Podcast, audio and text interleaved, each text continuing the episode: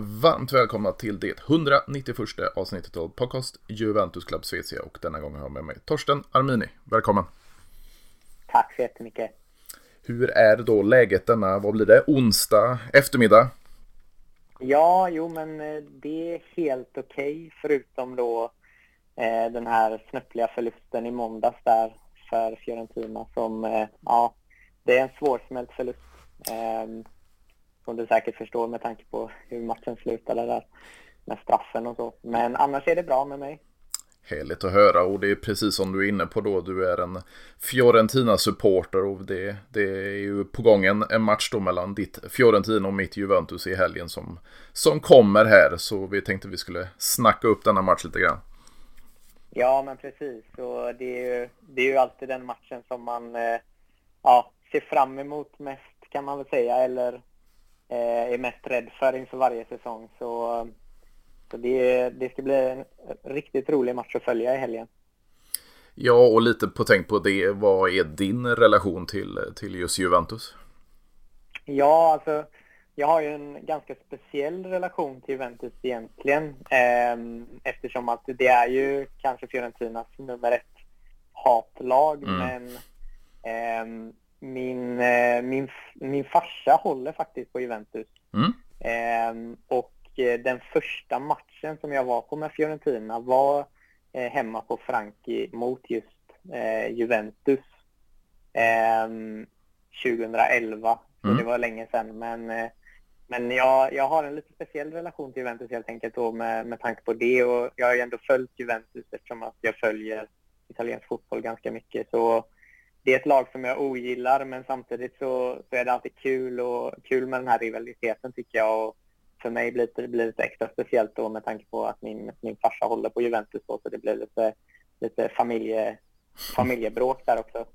Kan man säga. Ja, precis. Och med tanke på ditt, eh, ditt, ditt efternamn då, är det, är det pappa som är från Italien?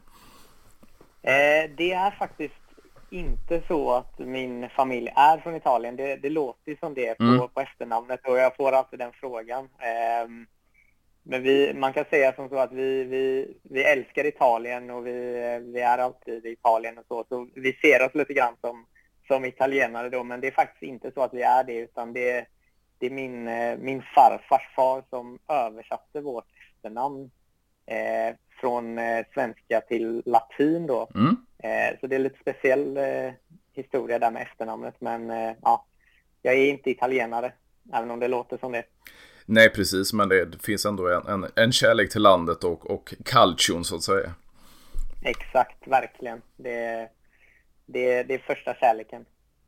Ja, precis. Och det finns ju en ganska stor, som du varit inne på, då, rivalitet mellan våra klubbar. Och det, det går ju många år tillbaks. Och sen har vi haft en, en hel del spelare då som, som har spelat eller representerat båda våra klubbar. Man kan ju ta Angelo Delivio eller Amauri om man vill nämna sådana namn och Quadrado och så vidare. Men, men på senare år så har det ju varit, ja för några år sedan då, Bernadeschi och sen blev det en Kesa och en Vlaovic. Så hur är din relation till, till åtminstone de två sistnämnda spelarna?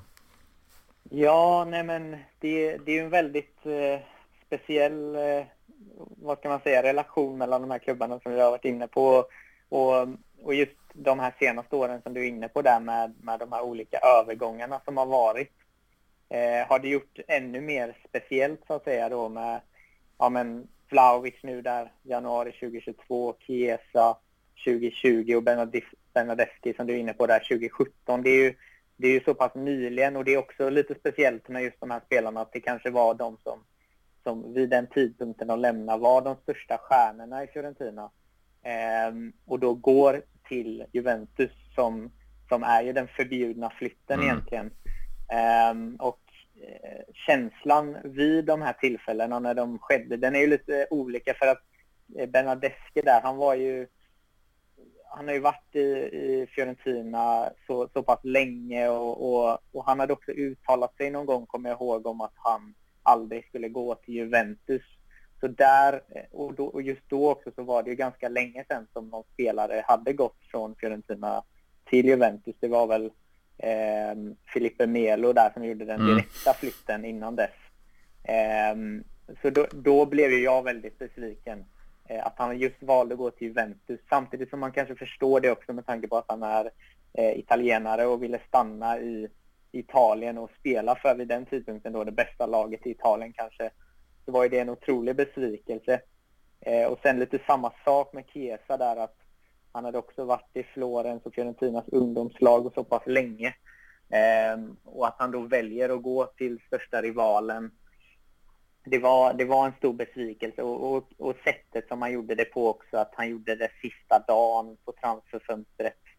Eh, det, det gjorde ju att det var en speciell, blev en speciell relation.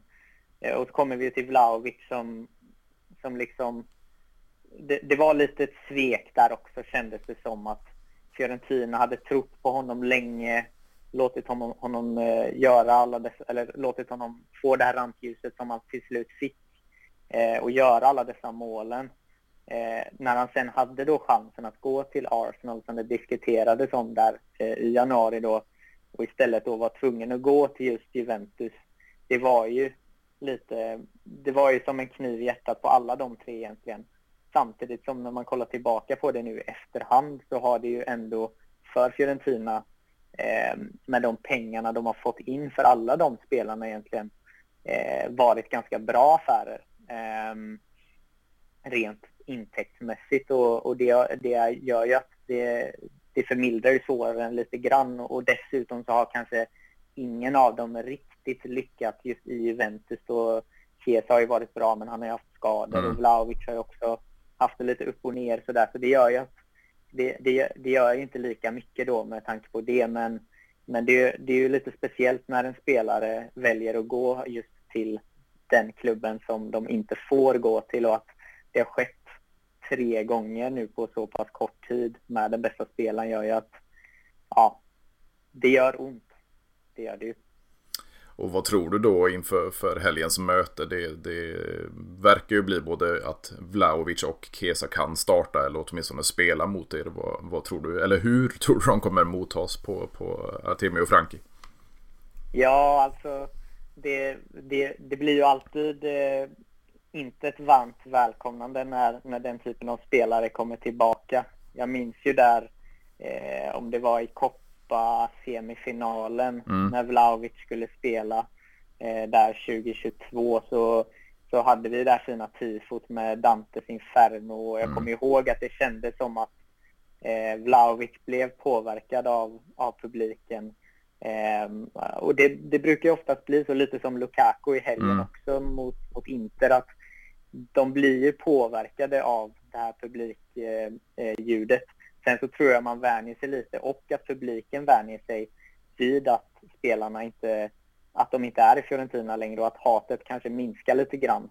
Så just för den här matchen så det är klart de kommer få en del eh, burop och en del eh, eh skrik emot sig men jag tror ju det värsta, den värsta matchen är väl när de, när de precis har gjort flytten så att säga. Så det, det värsta är väl avklarat. Och eh, ja, de borde ju klara av det bra nu med tanke på att de ändå har varit i Juventus ett tag. Så, men såklart, fansen kommer ju inte ge dem, ge dem någon tid att, eh, att, eh, att ha det bra, så att säga, på, i återkomsten till Florens. Nej, och sen är det ju frågan om, vad ska man kalla det för, för mentalitet om till exempel Vlaovic, för det är väl han som har varit hårdast utsatt av, av Fiorentina-publiken att man, man, tar det på rätt sätt. Alltså tar han det som, som han brukar göra, att han, han eldas upp ännu mer av det och, och dessutom kan trycka in den i, i nätmaskerna så, så, höjer han ju sig själv eller så sänks han av att eh, ja, han har hela, hela arenan emot sig. Ja, men precis. Det visar ju lite grann där vem som kanske är en riktig eh, toppspelare. Att, ja, men till exempel som Zlatan som, som gillar det här mm. eh, hatet från läktarna. Och och kan inte Vlahovic och Chiesa hantera det så, så kanske de inte har på den absoluta toppnivån att göra. Eh, så det ska bli väldigt intressant att se. Eh, nu känns det lite grann som att eh, det har varit en del, att de har varit borta från matcher och sånt där när Fiorentina har mött Juventus. Mm. Så det har aldrig riktigt varit den här totala Vlahovic och Chiesa kommer i form till tillbaka till Florens. Så det ska bli väldigt spännande att se nu, även om de kanske inte är i hel form nu, så ska det väl ändå bli kul att båda kan spela eh, och se hur de hanterar det här eh, publiktrycket. För jag kan ju garantera att det kommer bli eh, ett tryck mot Juventus på Frankrike.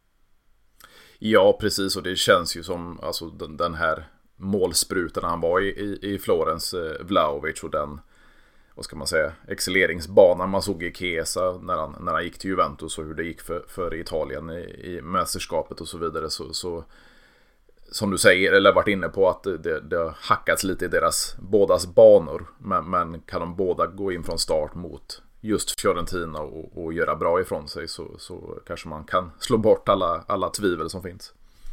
Ja, men precis. Och det, det är ju två, två spelare som vi, som vi pratar om här som har potentialen att, att bli riktigt, riktigt, ja men några av de bästa kanske i världen på sina positioner.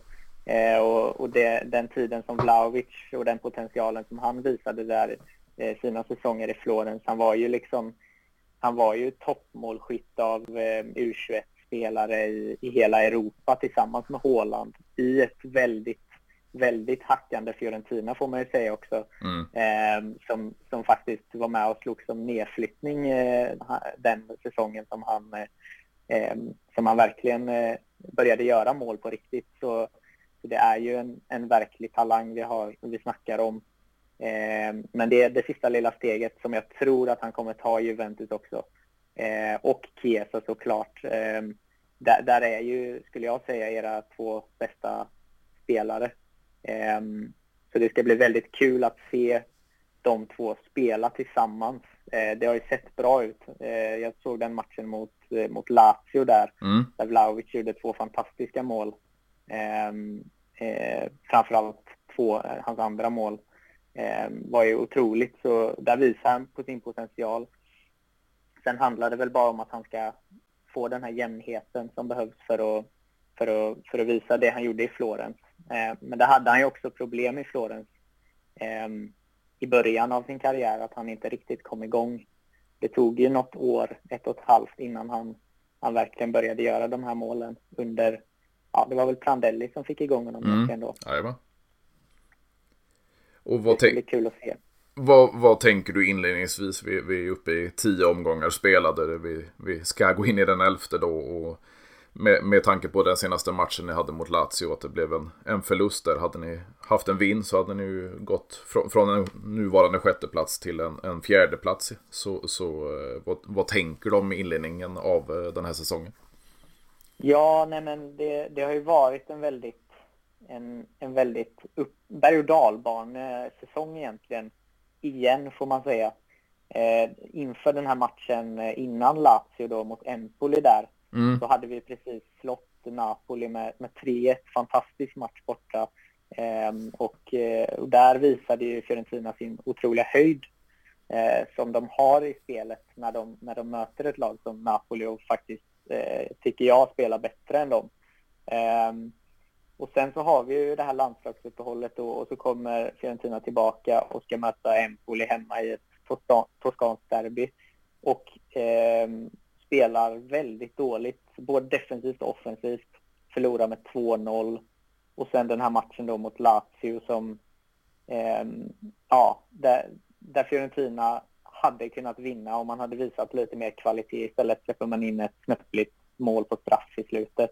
Och det, det summerar lite grann både Fiorentinas säsong hittills och kanske också tiden under Italiano där, där man har man har visat en otrolig höjd i vissa matcher och sen eh, matchen efter så har man istället för att fortsätta bygga på den höjden man har visat eh, gått ner i otroligt djupa dalar och inte kunnat bibehålla den formen som man har visat. Och det, det, det är lite frustrerande just nu att, att hålla på Fiorentina för att det känns som, som att vi står och, och stampar lite grann utan att, utan att ta oss framåt Ehm, under Italiano.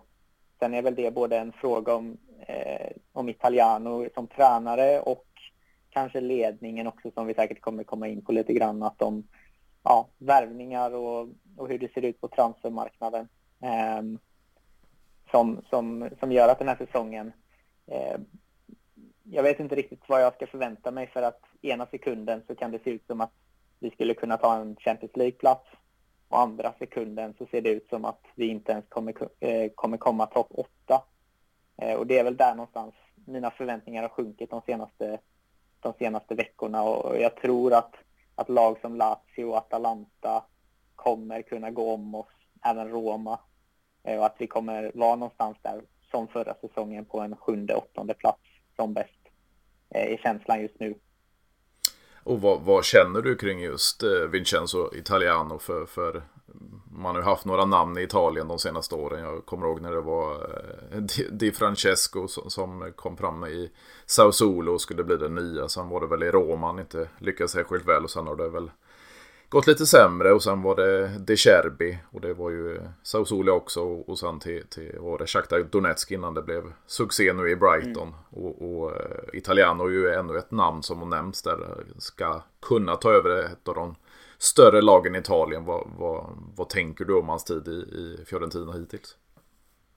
Ja, alltså det, det, är ju, det är en intressant tid han har haft i Fiorentina för att han, han var ju till en början inte tänkt som första alternativet när han kom in där sommaren 2021 utan det var ju Gattuso som kom in då. Mm. Eh, som sedan fick lämna efter två veckor eh, på grund av den här eh, ja, att hans agent ville komma in och, och, och, bestämma vilka spelare Fiorentina skulle köpa helt enkelt. Då. Så då valde de att bryta det och gick på Italiano istället. Och, och jag var ju till en början väldigt spänd på att se Italiano för att han hade imponerat i Spezia eh, och gjort saker med, med en klubb och ett lag som egentligen inte skulle vara på den nivån om man tittar på vilka spelare de hade. Mm. Eh, och, eh, och hans första säsong, där skulle jag nästan säga att det är det bästa Fiorentina jag sett under Italiano. Eh, när vi hade Vlaovic i form och vi hade Torreira på mittfältet eh, och, och Gonzales i laget. Eh, där, där nådde vi de högsta höjderna i min mening. Eh, och, kunde, och vi kunde faktiskt slå vilket lag som helst eh, och, och spelade en fantastisk fotboll när det verkligen, eh, när det verkligen eh, gick bra.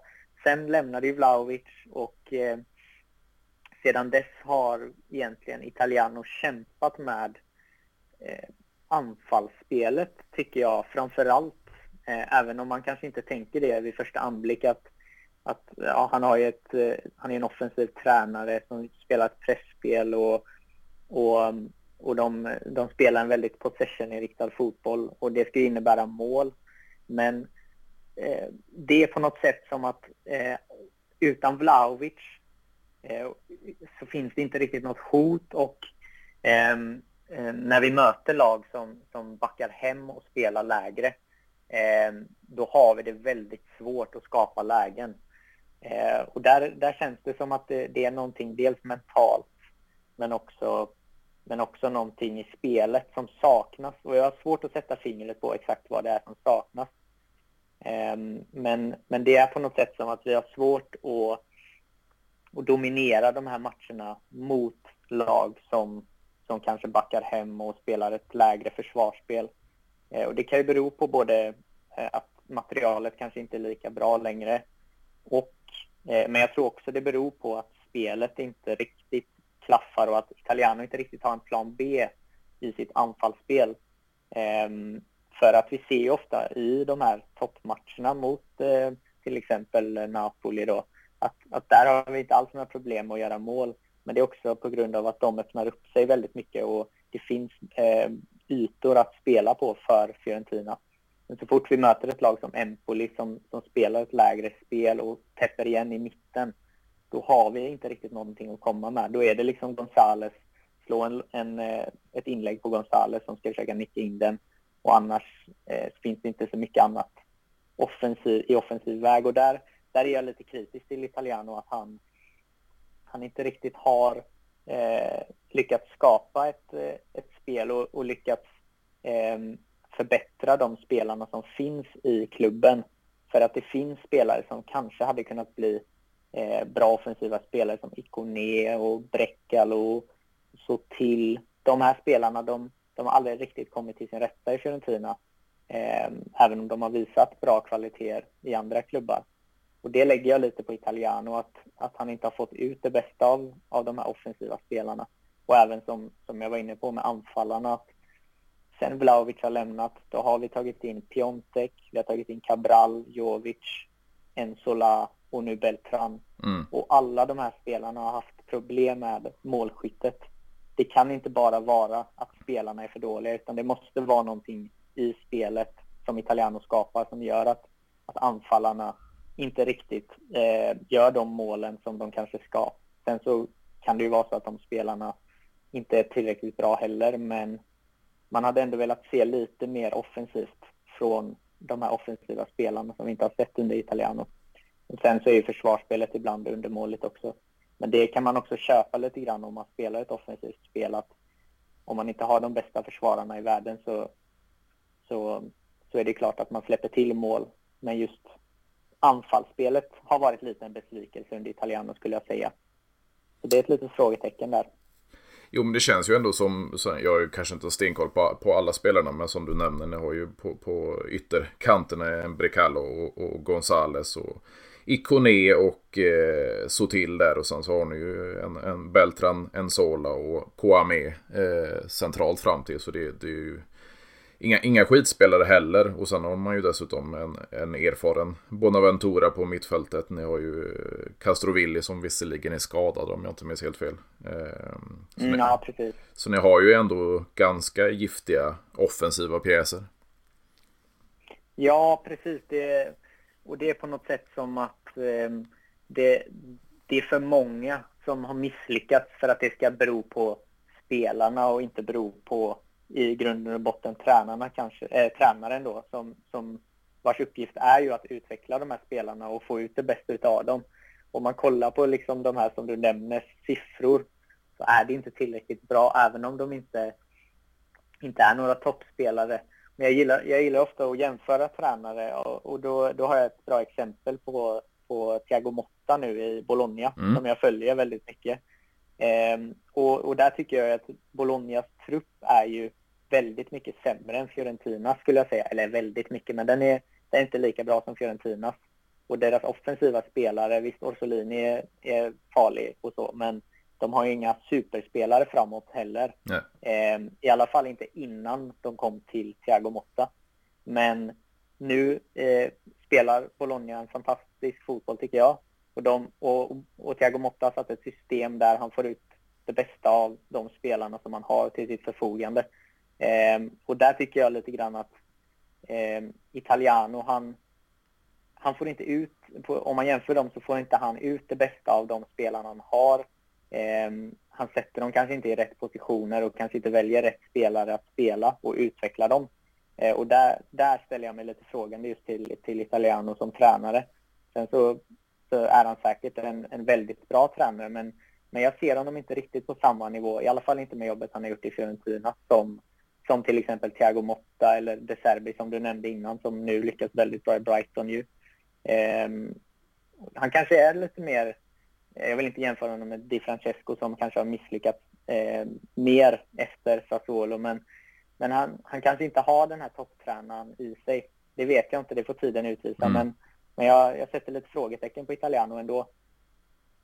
Jo, men det känns ju lite så här om man, man, man tar ryktesvägen. För det har ju varit eh, bland annat Juventus då för, som ryktas med, med Italiano. Men det har ju inte blivit något där. För man, man sitter säkert med, med, med Allegri då. Men, men så lite som du säger att klarar man inte av en, vad ska man kalla Fiorentina, det är ju ändå en, en mittennivå i ligan. Så, så eh, då ja. klarar man kanske inte av ett, ett, en stor klubb som Juventus heller.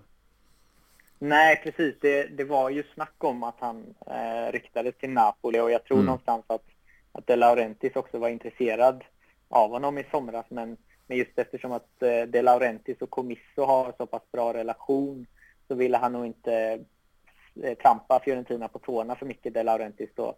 Så det var väl därför som inte den eh, affären blev av. Men eh, min känsla är att, att Italiano, det här är hans sista säsong oavsett hur det går och det ska bli väldigt intressant att se honom om han går till till exempel Juventus. Det hade varit eh, kittlande att se honom i Juventus, eh, vad han kan göra. Eh, men någon storklubb i Italien eh, på en kanske ännu högre nivå än Fiorentina eh, och se vad han, om han är en riktigt bra tränare eller, eller om det är så att mina farhågor om honom som tränare stämmer. Det, det ska bli väldigt eh, spännande att se. Men som sagt, jag tror, jag tror det här är hans sista säsong i, i Fiorentina. Och på tal om det här att gå till ett, vad ska man kalla det, mellansteg då. Vi, vi hade ju förra sommaren då, eller i somras, ett, ett väldigt intresse från, från Juventus i Empolis. Eh, Parisi, Fabiano Parisi och det, det blev Fiorentina för, för ytterbacken istället. Tror du att han valde själv att jag tar ett mellansteg innan jag går vidare till någon annan klubb? Eller tror du att det, det, han gick till sin toskanska rival av, av eh, ja, konkurrenssyfte? Ja, nej men det, det var ju väldigt intressant faktiskt att, eh, att han gick till Fiorentina av flera anledningar egentligen. Eh, men kanske den största eh, anledningen är, tycker jag, att, att han delar agent med Fiorentinas startande vänsterback Beragi. Mm. och det brukar ju inte vara så att, att agenter vill sätta spelare på samma position i samma lag. Som, alltså att han har två klienter på samma position i samma lag så att de konkurrerar. Mm. Eh, så det tyckte jag var lite intressant. Och sen som du säger också att intresset från Juventus eh, fanns ju där och, och eh, det var, jag blev väldigt glad att Paris gick till Fiorentina för att jag, jag har imponerat stort av honom i Empoli och jag tyckte att det, det är en av Serie A's bästa vänsterbackar eh, de, senaste, de senaste åren och han är ung, italiensk och dessutom eh, har spelat i Empoli då, så det var ingen lång flytt till Florens. Eh, men som du säger var det intressant. Det, det lät ju lite som på rapporteringen där att, att det kanske var att Juventus var tvungna att släppa några vänsterbackar innan, eh, innan de eventuellt hade kunnat ta in Parisi då och att Fiorentina agerade snabbt och, och kom med pengarna till, till Empoli och att det var så de lyckades värva honom eh, var väl lite känslan, för annars så, så var väl känslan egentligen att, att det var för sent att ta Parisi för Fiorentina och att, att han egentligen hade kunnat gå till, till eh, direkt till Juventus eller, eller något annat eh, topplag i Italien. Men, men att Fiorentina hade lite tur där och, och, och fick honom genom, genom att man var snabb att agera. Ja, precis. Och sen, jag ser faktiskt en spelare i er trupp också som jag helt glömt av som, som har befunnit sig i Juventus x antal gånger men inte spelat så värst och varit ute på lån och, och, och eh, gått, jag tror han gick till Udinese med återköpsklausul och så vidare. Rolando Mandragora, vad tycker du han har uträttat i, i Florens? Ja, nej men det är ju en, eh, det är en favorit eh, lite grann mm. för mig även innan han spelade i Fiorentina faktiskt. Jag alltid gillat eh, honom. Eh, så jag blev väldigt glad när han kom till Fiorentina förra sommaren, eh, 2022 då. Eh, och jag tycker att förra säsongen så, ehm, så var han nyttig och viktig. Ehm, han var, han var väldigt bra när han spelade och det fanns någon slags, eh, jag kommer ihåg att det fanns någon statistik att när han spelade så, så vann Fiorentina för det mesta. När han inte spelade så, så gick det inte så bra. Så det, det var, han kom in väldigt snabbt och gjorde det bra tyckte jag. Eh, sen den här säsongen så har han faktiskt eh, förlorat sin plats till Duncan som mm. har varit väldigt bra, överraskande. Jag trodde att han skulle lämna i somras men han har helt plötsligt varit otroligt bra och då har Mandragora tappat sin plats lite grann. Och, och han har inte varit lika bra som han var förra säsongen när han väl spelade. Men han är fortfarande inte jättegammal. Eh, han är väl 26. Eh, så det, jag tror på honom i längden. Eh, men han måste, han måste bevisa mer nu, eh, nu när Duncan har varit så pass bra. Eh, för att eh, han har varit lite svajig och det har sett, eh, sett ut som att han, hans form eh, den har sviktat lite grann nu. Så jag, jag hoppas att han kommer tillbaka, för jag gillar honom verkligen. Men eh, vi får se hur det går. Och vad tänker du kring, ni har ju även en, en, en brasse på lån som, eh, ja, vi, vi bytte ju Pjanic mot Artur Melo då i, i en affär med Barcelona och sen blev det utlån till Liverpool innan det blev utlån till er och nu, nu finns det ju även rapporter då om att ni, ni vill att vi förlänger kontraktet så ni kan förlänga lånet och sedermera köpa billigare. Men eh, vad, vad, tänker du kring, passar han bättre in tycker du i Italianos fotboll än vad han skulle göra i Allegris? Ja, jo men precis som du, som du är inne på att eh, när han kom till Juventus eh, så var han ju kanske eh, aktad som en av de bättre mittfältarna i världen. Eh, och det har inte riktigt flugit där i, i Juventus. Så det, det verkar ju som att, att hans, hans fot, fotbollsprofil inte riktigt passar kanske Allegris eh, spel riktigt. Och, eh, när, när han kom till Fiorentina nu i somras så var jag eh, väldigt glad med tanke på att det är ju en otrolig kvalitet han eh, sitter inne på, den här spelaren. Liksom. Eh, och han, han går ju in direkt och visar det också i Fiorentina att det här är en klassmittfältare som, som kan styra spelet och han tappar ju inte boll så det är ju perfekt för Italianos eh, spel och det har verkligen gett ett lyft den här säsongen också. Eh, en dimension på mittfältet som vi saknade efter att vi släppte Torreira. Ehm, för förra säsongen så, så var Fiorentina eh, de hade inte riktigt någon, någon playmaker på mittfältet, eh, en, en lägre playmaker helt enkelt, utan det var mycket, mycket kämpa och, eh, Amrabat och, och Mandragora och, och Duncan som, som jobbar hårt men kanske inte riktigt har den här eh, dirigent eh, spelstilen som, som, Artur sitt, eh, som, som Artur har. Och, eh, ja, alltså jag hoppas ju att Fiorentina kommer att eh, förlänga med honom. Eh, om de kommer göra det, det är en annan fråga. Jag tror att det kommer vara någon, någon en lång förhandling med Juventus Eh, sen så tror jag väl inte att Juventus egentligen vill, vill ha honom i längden, i alla fall inte om Allegri är kvar. Men eh, eh, jag hoppas att Fiorentina tar, tar honom eh, permanent nästa sommar. Eh, jag är dock skeptisk till om de faktiskt kommer kunna göra det med tanke på att eh, Comissos ledning är väldigt strikta med var de spenderar pengar och hur förhandlingen går till. Och eh, ja, känslan är att det, det kan gå lika väl som, som det gjorde med eh, Torreira och Arsenal. Eh, att det bara blir att man blir kär i en spelare och eh, sen så försvinner han eh, eftersom att ledningen inte ville köpa loss honom helt enkelt. Ja, precis, för det känns ju, alltså, jag, när han kom så tyck, tänkte jag så här, han var väl 7-8 år yngre än, än Pjanic och tänkte nu är det en, en uppgradering så att säga, men och så, än, så älskar man det här med, med låga tyngdpunkten och, och, det var ingen som kunde ta bollen ifrån honom. Bollsäker, kunde finta av eh, någon uppe i publiken med, med bara några kroppsfinter och så vidare. Men det som inte fungerade i Juventus det var ju att han var ju inkörd i det här ja, tiki-taka-fotbollen i Barcelona. Det var ju bara korta sidledspassningar eller bakåt. Vi, vi, vi, såg ingen split vision, vi såg inget, inget spel framåt så att säga. Eh, och det fungerade inte alls i, i Juventus fotboll. Så, så ja, jag, jag, är glad om, om ni köper loss honom och det, det sägs ju att det var en, jag tror det var en köpoption nu på 20 och att ni vill få ner den då med en förlängt, förlängt lån och få ner den till 10. Men eh, vi skulle väl gå med en förlust men det, det, det skiter jag nästan nej, nej, jag förstår det. det. det. blir lite så när det är en spelare som, som inte passar att man bara vill bli av med honom. Men och, och, det vinner vi på också där då, mm. att vi får en, en så pass bra spelare. Och jag hoppas verkligen att, att det löser sig. Och kanske för allas, för allas eh, glädje eh, i, i den här dealen så, så, skulle det ju vara det bästa valet kanske. Ja, precis. Och det känns ju som han, för han talar väldigt väl om, om, om Fiorentina och, och, och Italiano och så vidare, att han har hittat sin egen nivå för, för han var ju ingen startspelare i ett Barcelona. Han blev absolut inte en startspelare i, i Juventus och han var väl mestadels skadad i, i Liverpool. Men när han väl kunde spela så, så fick han inte så mycket speltid. Så, så Fiorentina kanske är, är hans nivå helt enkelt.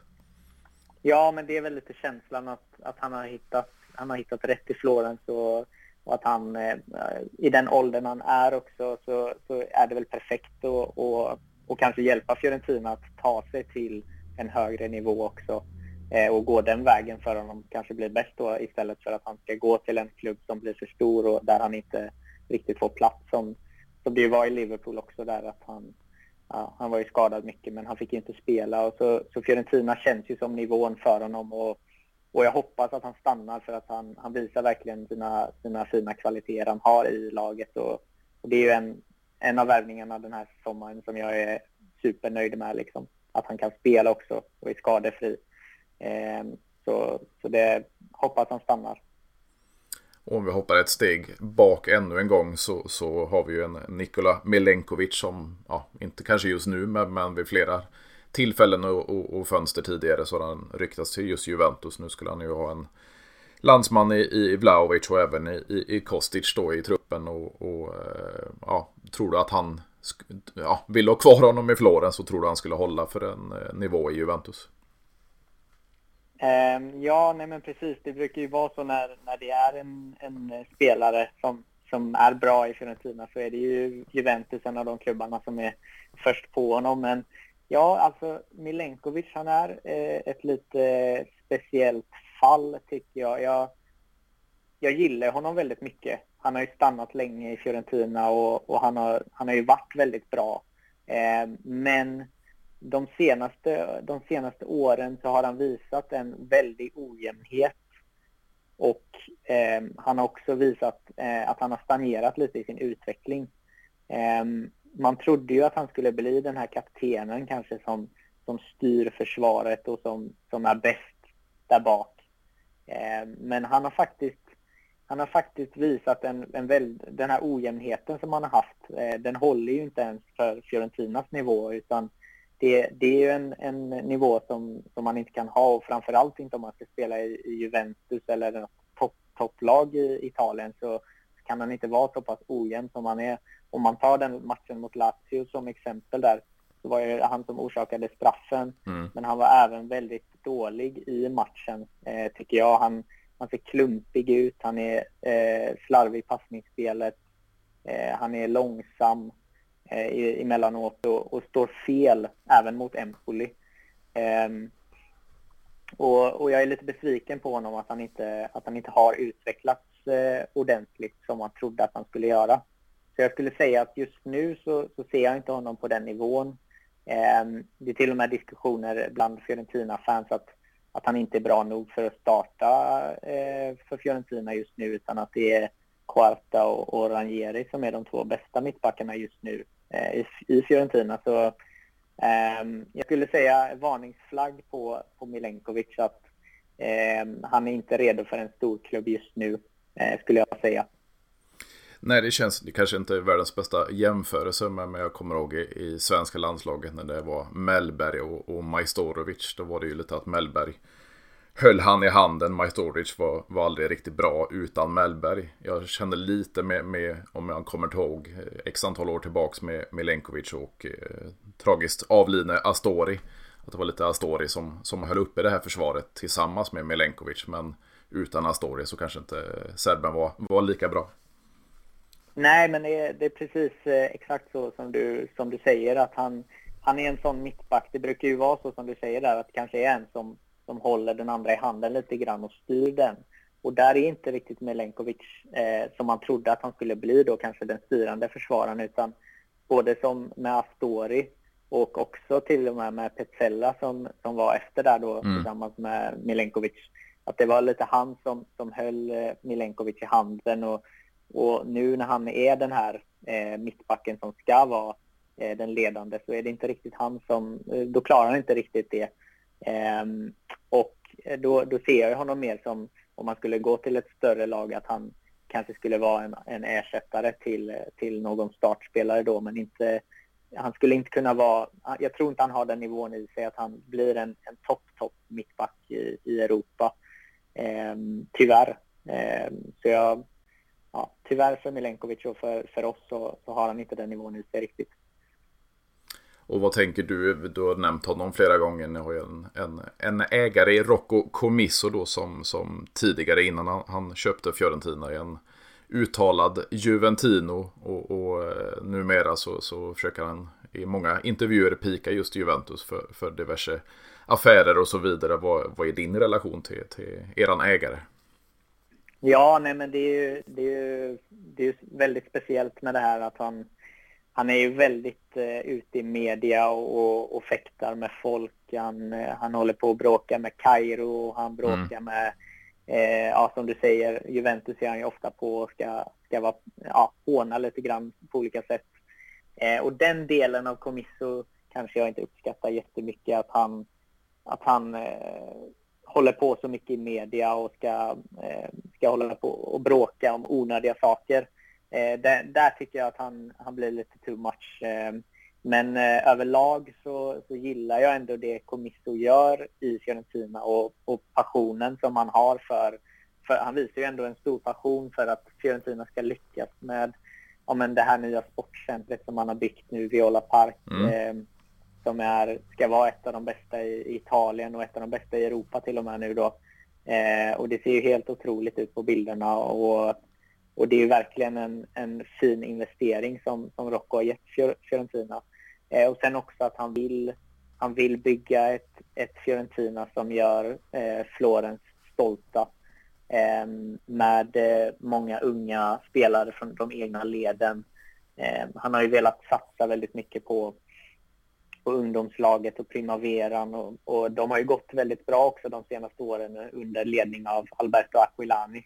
Mm. Eh, och det har ju varit väldigt intressant att följa och där har ju Rocco varit med på de stora finalerna som de har spelat och stått och lyft eh, pokalerna tillsammans med spelarna och, och, och, varit väldigt närvarande och sett på matcherna och sånt där. Det tycker jag är väldigt kul att han visar den här passionen för klubben och, och, de har ju sagt också att de vill skapa ett Fiorentina där eh, det är många, de bästa unga toskanska spelarna i, i världen som, som spelar i, som går upp i A-laget och spelar Um, och det snackas ju även om att man ska starta ett U23-lag, precis som Juventus mm. har då, för att, för att fortsätta med um, den här ungdomsutvecklingen som, som man ändå har uh, visat är väldigt bra de senaste åren.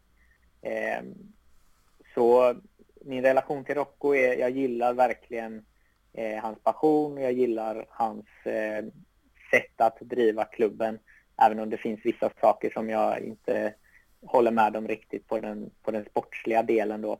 Ehm, ehm, eh, men men uh, uttalandena i media, där, eh, det, det tycker jag han kan hålla för sig själv lite grann, för det kommer inte gynna honom utan det kommer bara, eh, det kommer bara gå mot Fiorentina istället och bli en onödig, eh, en onödig, eh, ett onödigt utropstecken bland folk eh, som kollar på fotboll, tycker jag.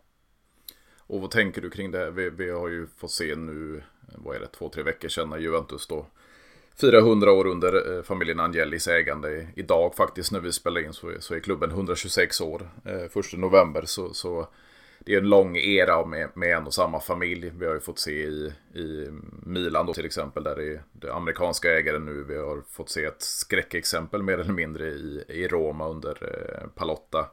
Eh, och då talas ju om det här när det kommer amerikanska ägare eller ja, från andra länder att de inte har vad ska man säga, kulturen och, och den kunskapen om italiensk fotboll. Det är klart man för in pengar och, och, kan ta dit stjärnor och bygga arenor och så vidare men man förlorar arvet. Vad, vad, vad tänker du kring Comisso? Han har ju italiensk härkomst men han kommer ju från, från andra sidan Atlanten. Ja, nej men precis. Och det, det, det är som du säger att eh, det har väl varit lite Comissos problem i Fiorentina att han, han är van vid den amerikanska, eh, det amerikanska sättet och har verkligen fått eh, stöta på motstånd i Italien när han har kommit in. Han, han sa ju när han kom in att han ville ha allting fast, fast, fast och han mm. ville bygga en ny arena och eh, allt sånt där liksom. Och det har ju, där, där märker man ju att han har gett upp med arenabyggandet liksom, utan han, han har ju sagt det att vi kommer, vi, vi får inte bygga någon, någon ny arena och eh, vi, kommer, vi kommer inte gå in med några medel och hjälpa, som det var snack om då, eh, kommunen att, att eh, bygga om Frankie då. Eh, han, han vill inte gå in och, och, hjälpa till med det om man inte får äga arenan själv liksom. Och eh, där har han ju mött mycket problem i Italien. Och som vi har varit inne på det här med att han eh, pratar mycket i media. Eh, det, det, faller ju inte väl ut i Italien, eh, är ju känslan. Och det är många fans som har varit eh, lite på Rocco med det här att, eh, att, han eh, kanske, att han kanske pratar lite för mycket och, och, och gör lite för lite. Sen så, sen så har ju en, det största problemet för mig med, med Comissos ledning har varit att han kom in och trodde lite grann att eh, det bara var för honom att styra den sportsliga delen själv. Mm. Inte så att eh, Rocco har styrt det med egna händer, men eh, som du säkert känner till så finns det ju en, ja, en, inte sportchef, men en direktör i Fiorentina som heter Joe eh, Barone, mm. Eh, ja. som är Roccos högra hand lite grann. och som de egentligen har varit den styrande den hög, det högsta hönset eh, på den sportsliga delen i Fiorentina. Eh, även om man har Pradé under sig då som är sportchef och, och Nicol, Nicolas Buridisso som, som är en slags scout eh, ansvarig då. Men det är liksom han som har styrt den sportsliga delen och det har man sett att värvningarna har inte riktigt eh, de har inte riktigt varit eh, till nivå. Det har varit eh, lite grann som att en person kommer in och, och lär sig på jobbet lite grann, är känslan. Att, att kanske, kanske Barone skulle inte haft den roll han har nu, eller har haft, utan att man kanske skulle gett en, mer, en bättre sportchef än Pradé Eh, möjligheten att styra det sportsliga själv. Eh, istället har det varit som att det är Rocco och Barone som ska vara någonstans bestämmande i den sportsliga delen och, och, där har de ju ingen erfarenhet alls av den italienska fotbollen eller fotboll i allmänhet. Och blir det lite, det har man märkt också framförallt på, på transfermarknaden eh, de senaste åren. Men de har ju förbättrat sig såklart. Men eh, ja, det, det, det är som att eh, både Pradé och, och Barone, de, de kan jobba hur länge som helst utan, de kommer aldrig få sparken utan eh, Comiso, han vill ha sina, sina gubbar där som, som sköter, sköter sporten. Sen får det gå hur det vill, men han litar på dem till 100 procent. Och, och där kan jag störa mig lite grann att man inte, att man inte får några konsekvenser för ett sämre arbete eh, som andra klubbar kanske gör. Ja, precis. Och det, det är ju det balansgången. Alltså det är klart att de kan, kan arbeta på sitt sätt och, och, och vilja och kunna styra så mycket som möjligt. Men att man inte anammar ändå att ja, Italien, det, det är sportchef, det, det är Torre Sportivo som, som, som styr och ställer en klubb. Juventus hade väldigt, eh, väldigt framgång då med, med Beppe Marotta och, och, hans adept Fabio Paratici då i, vad blev det, 8-9 år eh, från 2010 där. Så man, man skördade stora framgångar. Sen så valde man att, att, att lämna, eller att Marotta fick lämna och då tog Paratic i den rollen som han inte minst sagt inte kunde, kunde behärska och så vidare. Och sen har man hoppat lite, det var Cherubini då, en som har varit i klubben länge. Nu gör man en återstart med, med, med en av de främsta i Italien, i, i Cristiano Junto. Och att då inte Rocco Comisso och eh, Joe Barone, vad ska man säga, man letar efter någon som, som kan den rollen, någon, någon erfaren i Italien som, som kan eh, ja, arbeta och styra och ställa över det sportsliga. Ja, men exakt det som du är inne på där och det såg vi i Juventus också att eh, det var ju jättebra där när Beppe Marotta var, var högsta hönset och, och Paratici som du säger var, var lite under honom mm. och kanske skötte mer av scoutingarbetet. Mm. Men sen när Paratici kom in och skulle vara eh, högsta hönset så blev det ju bara katastrof. Mm. Eh, och det är ju lite, alltså i Fiorentina att att eh, Pradé, han är en, en respekterad sportchef, eh, men han jobbar också under eh, Barone som, som inte har någon erfarenhet. Och, och sen så tror inte jag på Pradé att han är en supertopp sportchef eh, heller. Så att man inte går, letar efter det bästa utan håller sig till en person och att den personen stannar oavsett vad. Det tycker jag är fel. Eh, och jag tycker att man, eh, man, måste, man måste hitta den bästa sportchefen som möjligt finns för att det är där mycket av eh, utvecklingen sker. Att, ja, på marknaden måste man vara bäst. Eh, sen så gillar jag ju Burdisso mm. Eh, som är den gamla Roma-försvararen som har stenkoll på Argentina.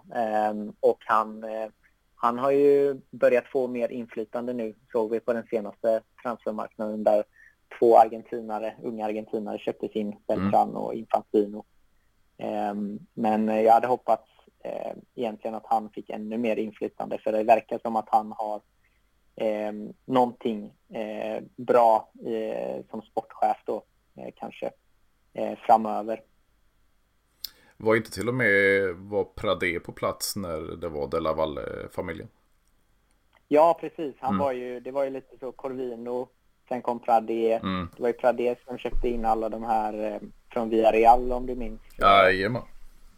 Gonzalo Rodriguez och Borja Valero och Giuseppe Rossi. Eh, han länsade ju dem lite grann när de åkte ner där. Och sen så lämnade Pradé och eh, Corvino kom tillbaka där. Och sen när Comisso kom in då så sparkade de ut Corvino igen och tog in Pradé. Mm, så. så. det har varit eh, fram och tillbaka med dem. Vad, vad, känner du kring just den delen som jag, som jag sa då? Alltså vi har haft familjen Angeli i hundra år. Ni hade Della Valle inte i hundra år men, men i, i, många år. Vad, vad, känner du kring det skiftet? Att det, det gick från en, italiensk eh, ja, affärsfamilj till, till Comiso? Ja, nej men det var väl...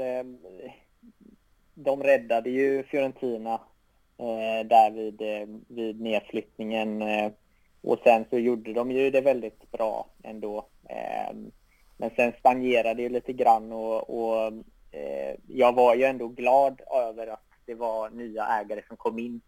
Eh, sen så för, alltså, för att summera det så gillar jag ju Comiso. Jag tycker det är bra att han, det är han som valde Fiorentina. För jag, eh, jag tror verkligen på, som jag sa, att hans passion han har verkligen en passion. Han vill verkligen göra ett fotbollslag bra eh, i Italien. Han vill ge tillbaka till folket liksom. Eh, och han har också resurser för att göra det. Men sen så behöver han lära sig lite ödmjukhet och lite eh, eh och att lära sig att ändra sin stil lite grann för att lyckas tror jag. Men, men jag, jag sen på själva amerikan delen eh, av det så jag tycker ju självklart att det är roligt att det finns italienska ägare i, eh, i Serie A. Mm. Sen så visar det sig kanske att det så småningom kanske inte kommer fungera heller att vem som helst äger ett lag i Serie A utan att det kanske går mot det här mer internationella ägandet att eh, på grund av just den ekonomiska faktorn kanske att eh, att eh, de italienska lagen har ju inte så mycket pengar och, och att eh, de flesta lagen kanske kommer behöva gå till och försöka köra mer på en, ett moneyball eh, eh, mm. och, och försöka sälja sina bästa spelare till och utveckla bra spelare och sälja dem vidare till Premier League och sådär för att kunna överleva. Eh, så där, eh, jag ser väl mer att utvecklingen ser ut som den gör och det, det kommer vara så som man får, får acceptera det helt enkelt, hur det ser ut. Jo, men det känns ju ändå som en, en klubb som, som eh, Fiorentina eh, utvecklar sig och, och, och, bygger för framtiden. För jag menar det som du, du var inne på då, att det talas om ett, ett B-lag. Vi har ju egentligen bara, eller vi har bara Juventus som, som har haft ett B-lag i några år nu. Eh, det snackas om, om Atalanta, det snackas om Milan och du säger Fiorentina. Ni har ändå ett, ett eh, damlag som är uppe i toppen sedan, sen 2015 onybyggt Viola Park. Så det, det, det är väl kanske arenafrågan som du var inne på då. Men, men det känns ju ändå som det är en klubb som, som, som bygger upp för framtiden och, och, utvecklas. Ja, nej, precis som du säger. Jag är ju väldigt glad över eh, det arbetet som Comiso gör utanför, eh, utanför planen. Han, han vill ju verkligen, eh, som du säger, alla de exemplen och du tar upp att han vill ju verkligen, eh, han vill ju verkligen utveckla och, och ge någonting till Florens och, och Fiorentina liksom. Så det är väldigt kul att se det här med damlaget och med ett U23-lag och Primavera-lag som, som, ehm, som spelar väldigt bra liksom. De, ja, som jag sa där, de har ju varit i, i toppen av Italien de senaste tre, fyra åren eh, egentligen. Mm. Um, så det är väldigt kul att se det, den delen av Fiorentina. Um, och ja, det är viktigt, eh, tycker jag, att man, man utvecklar sig så. Eh, så det, det blev jag väldigt glad över, eh, det kommisso, eh, arbetet Comisso gör. Liksom. Och vad tänker du just arenafrågan för, för ja, mig som rivalsupporter? Jag har aldrig varit på Artemio Franki, men, men det, ja, det, det, är en klassisk arena och så vidare. Men, men hur tänker du där? Vill man behålla Eh, det gamla, det kanske lite halvt sönderfallande eller vill man, vill man ha ett modernt eh, rymdskepp som man säger ibland? Ja, nej men det är roligt. Det, det, det är som du säger egentligen och som jag var inne på där att det charmen med, med eh, italiensk fotboll tycker jag egentligen är stor del de, de här gamla mm. eh, ruttna arenorna lite grann, mm. även om jag tycker det är väldigt härligt. Och och se de här nya arenorna också så är det ju väldigt kul med till exempel Artemio Franki som är liksom, ja men den blev väl eh, restaurerad någon gång på, på, på 90-talet kanske eller någonting sånt mm. senast. Eh, och byggd på sådär 40-talet. Så det är ju det är en otroligt gammal arena men den är ju den är härlig på något sätt.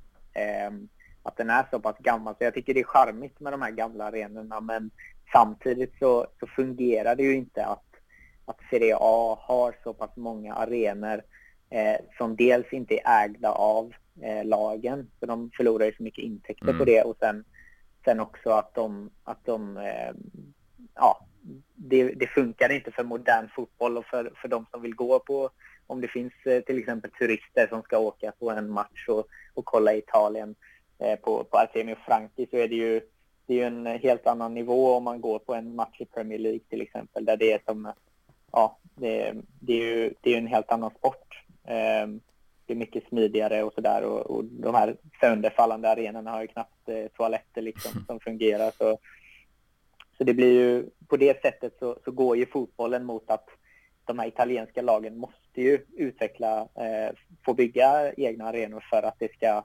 fungera intäktsmässigt och för att kunna utvecklas. Men, men eh, samtidigt så tycker jag att det är kul att de här gamla arenorna finns och att man kan gå på dem. Och det är ju det är en charm jämfört med att gå på de här liksom, arenorna i Premier League som ser likadana ut. Och det är ju det är ganska tråkigt och själlöst tycker jag egentligen. Men men så, jag, så, det är en liten konflikt där inom mig att jag vill, vill att italiensk fotboll och Fiorentina ska utvecklas men samtidigt så tycker jag det är kul med de här härliga arenorna som, som är från 40-talet och mm. Och jag tänker här slutligen, vad, vad tänker du kring, kring matchen i helgen? Som jag sa, det ser ut som det både Kesa och Vlahovic kan komma från start. Eh, vi har väl Danilo borta bland annat eh, på skadelistan som inte hinner tillbaka. Men, men hur ser det ut förutom Castrovilli för er del? Ja, eh, då är det väl supertalangen eh, Michael Kayode som är borta också. Mm eh, högerbacken och Dodå då, så, så det är två, två ytterbackar eller högerbackar som, kommer, som inte kommer spela. Eh, sen så, så ska det väl vara fulltaligt lag så som jag har sett det i alla fall.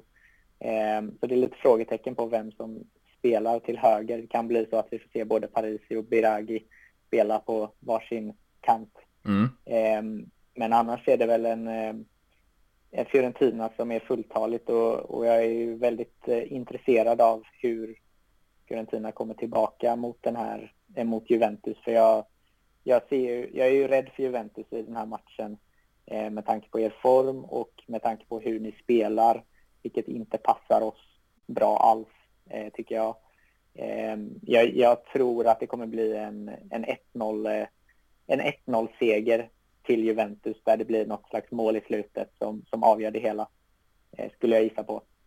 Jo, men det känns ju lite så här eh, om man, man får ta det ur egen synvinkel så, så känns det ju som att det här är typiskt Juventus. Jag, jag tycker kanske inte det är jättekul att se alla matcherna för, för ja, det, är, det är destruktiv fotboll under, under Mr. Allegri, men det typiska som du, som du är inne på då. En, en 1-0 vinst, det är ju klassiskt Juventus och, och, kanske inte köra över motståndet utan vi, vi, vi spelar på våran nivå och vi är säkra på våran sak och vi, vi får in en boll i nätmasken och sen så kan vi, kan vi försvara det och det känns ju som den här säsongen är en sån säsong att nu börjar vi få se lite av det gamla Juventus att, att eh, vi tar de här knappa vinsterna och vi ligger där uppe i toppen och, och, och flyter med så, så får vi se hur, hur säsongen ja, artar sig. Men, men det känns ju som det du siar om det, det kan faktiskt slå in. Ja, nej, precis som du säger och det är ju det, det är Juventus man är, man är van att se att det kanske inte ser så fint ut men eh, poängen rullar in på kontot och det är hållna nollor och det är 1-0 vinster som eh, jag såg någonting om att Allegri hade var det hans hundrade 1-0 vinst i, ja, i Serie A precis, precis. I, nu i helgen så, så det är ju Eh, typiskt Allegri, typiskt Juventus och eh, det betyder att Fiorentina kommer kanske få det svårt då eftersom att vi har problem att bryta ner låga försvar och smarta Allegri-lag som, eh, som oftast är bra på att utnyttja eh, den typen av naiva motståndare.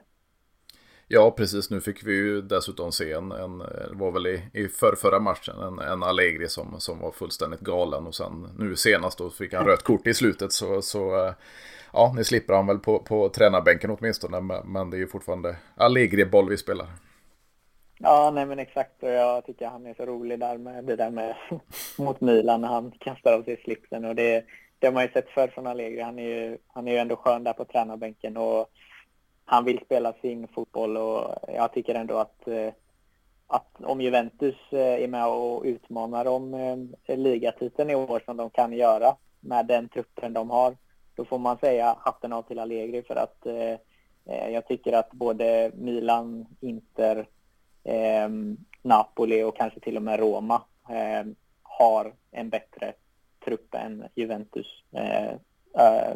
om man tittar över hela så ja, det är starkt av Allegri tycker jag. Han ska få cred för det. Ja, och, och eh, inklusive mig själv så, så, har han ju fått extremt mycket kritik för, för eh, de två första säsongerna nu sedan återkomsten då. Så, så eh, tar han hem en, en titel den här säsongen så, så ja, vi får väl skämmas vi som har kritiserat honom.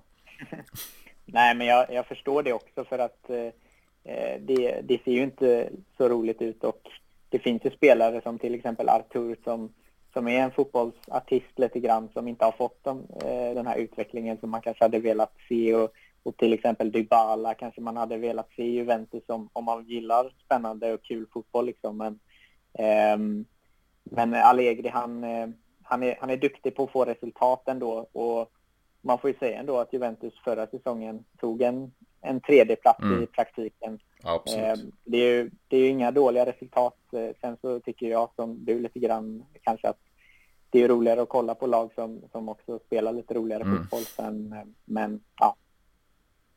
Men det är, det är, som vi varit inne på, det är Juventus-sten och jag tror att vi, det är ett vinnande koncept. Det har det varit historiskt, så varför inte fortsätta? Ja, men precis, precis. Och det, det tror jag också.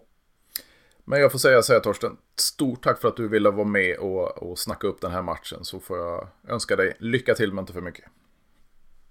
Tack själv, det var jättekul att vara här. Jag får önska dig detsamma. Härligt att höra, så, så som sagt, stort tack för att du ville vara med. Så får vi hoppas på en, en fin match i helgen mellan våra, våra lag. Det, det hoppas jag också, inte för mycket Allegri-boll bara. Nej, precis, precis.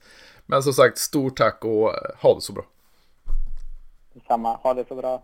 Hej, hej. Hej.